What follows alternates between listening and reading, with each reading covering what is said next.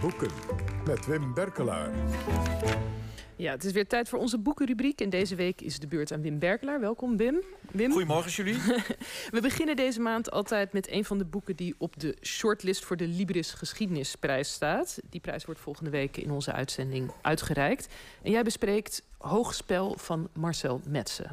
Hoogspel van Marcel Metsen, de onderzoeksjournalist die hier overigens 30 jaar aan gewerkt heeft. Maar het interessante, jullie, is dat boek heeft als ondertitel De politieke biografie van Shell. Dan moet je je voorstellen, toen ik dit voor het eerst die titel zag, moest ik denken ik neem je even mee naar de jaren 70. Had je een literatuurwetenschapper, een beroemde literatuurwetenschapper in Duitsland.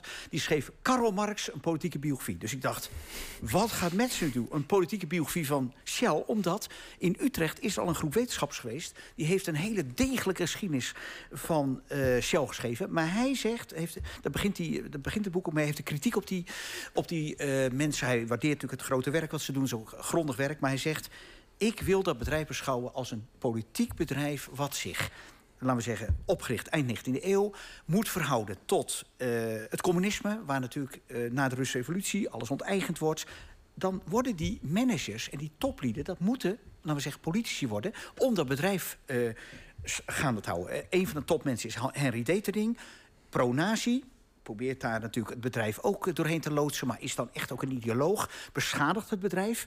Het bedrijf wordt nog verder beschadigd in 1940 als die oorlog uitbreekt. Maar dan vindt Shell zichzelf uit vanwege de olieleverantie aan de geallieerden. Dus dan wordt het bedrijf echt een, het, het grote conglomeraat en ook gewaardeerd... omdat ze dan aan, die kant van de goede, aan de goede kant staan, zeg maar. Maar dan na die oorlog krijg je natuurlijk... en dan vanaf, vanaf de jaren 60, ik ga er met vogelvlucht doorheen... want we hebben natuurlijk niet te veel tijd. Vanaf de jaren 60 krijg je natuurlijk Shell uh, wereldwijd. Dus dan Shell Nigeria, Shell Zuid-Afrika... Shell Rhodesië, het huidige Zimbabwe. Apartheidspolitiek. En wat Shell dan doet, is... Aan de ene kant proberen ze, uh, laten we zeggen, een onpolitiek bedrijf te zijn. In een, in een tijd waar die niet onpolitiek is. Die is het nooit. Dus dat is heel ingewikkeld voor Shell. Maar en, je bedoelt, je zegt onpolitiek nou bedrijf? Ja, in welke zin proberen nou, ze, ze... Ze proberen natuurlijk te zeggen, wij zijn alleen voor zaken. Wij doen daar alleen aan olieboringen... en wij bemoeien ons zo min mogelijk met die, uh, met die machtshebbers. Maar in de praktijk doen ze dat natuurlijk wel. En dat doen ze ook tot in Nederland toe. Jaren 70 kabinet Uyl, meest linkse kabinet ooit... had je als topman Gerrit Wagner. Gerrit Wagner schrijft dan die brieven... met met andere ondernemers. Jullie moeten hier voor een goed investeringsklimaat zorgen. Met andere woorden, Shell is daar voortdurend mee bezig. En Shell heeft een batterij juristen in dienst. Uh, het is een heel kil en hard bedrijf. Niet voor het personeel. Voor het personeel is het allemaal goed. Hè? De Wouter Bossen van deze wereld, die oud-pleileider... die zijn allemaal, uh, laten we zeggen, uh, in het roze behandeld, om het zo te zeggen. goede salaris en dit en dat. Maar als het erop aankomt, is het een hard bedrijf. En het eindigt, dit boek eindigt, uh, Hoogspel, dat hij zegt... maar nu wordt het voor Shell moeilijk. Wat is het geval? We kennen misschien allemaal die, die uh, Donald Pols. Uh, Donald Pols is die milieuactivist, net zo kale kop als ik. Ook al een hoeddrager. Dus bekend op tv. Van Milieudefensie. Is Milieudefensie. Ja. En dat is ook zo'n man die juristen inzet. Dus dat is een man die niet alleen maar klaagt. Ze gaan tegenwoordig naar aandelenvergaderingen. We zitten in een klimaattijd. dus met andere woorden, voor Shell is het heel ingewikkeld. Want ze zitten nog met die fossiele brandstoffen. Dat is natuurlijk toch een grotere wingewest. Ze moeten moeten overschakelen. Ze beleiden voortdurend met de mond, we gaan overschakelen. Zullen ze voor een deel oprecht menen. Aan de andere kant zijn ze natuurlijk doodsbang om uh, winst te verliezen. Om, uh, laten we zeggen, kapitaal te verliezen. Met andere woorden, Shell zit nu moeilijker dan ooit. Tegelijkertijd, als je het leest, hoogspel, hoogspel, voortdurend in, in alle uh, politiek en, en noem maar op... Is ook, het is ook een imponerend bedrijf. Het is heel dubbel. Het is een imponerend bedrijf wat, ze, wat er uit de grond is gestampt. En tegelijkertijd is het...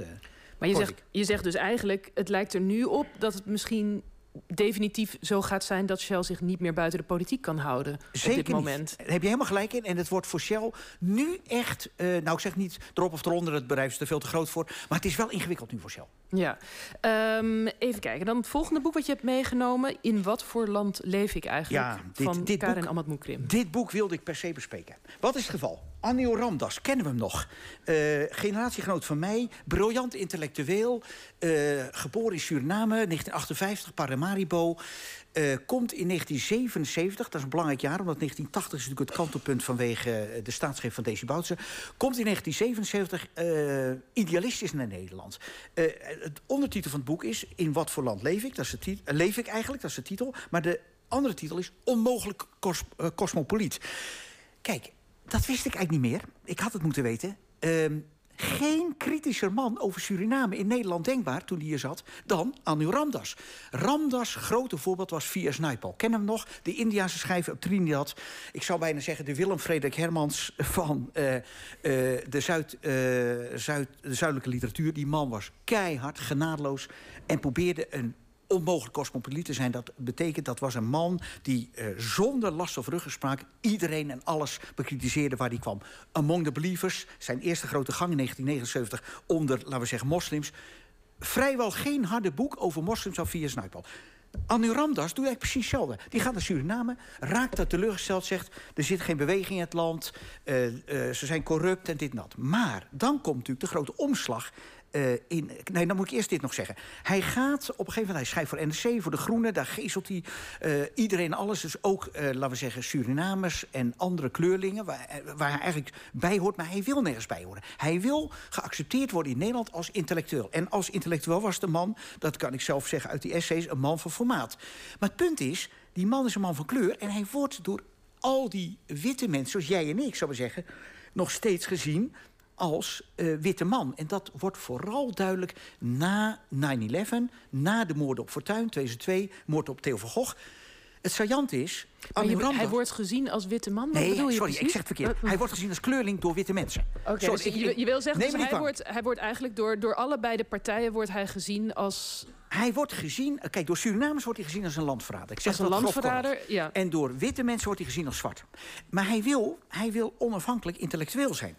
Uh, als Naipaul. Maar dan komt die omslag in Nederland, in Nederland uh, en ook wereldwijd. Hij zit dan in India, want hij is correspondent voor de NRC in India. Hij is Hindoestaans Surinamer. Hij komt in uh, India, heeft dan nog even het idee... wie weet, vind ik hier iets terug van mijn wortels. Raakt diep teleurgesteld in India. Hij heeft geen aansluiting, hij is daar eenzaam. Hij ontwikkelt een kolossaal drankprobleem.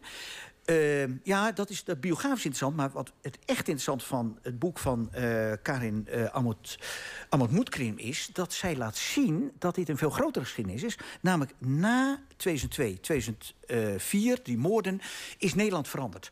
En raakt Ramdas, die zichzelf trouw blijft... die geestelt dus niet alleen Surinamers... die gaat ook witte Nederlands ge geestelen. En die komt dan met de white trash.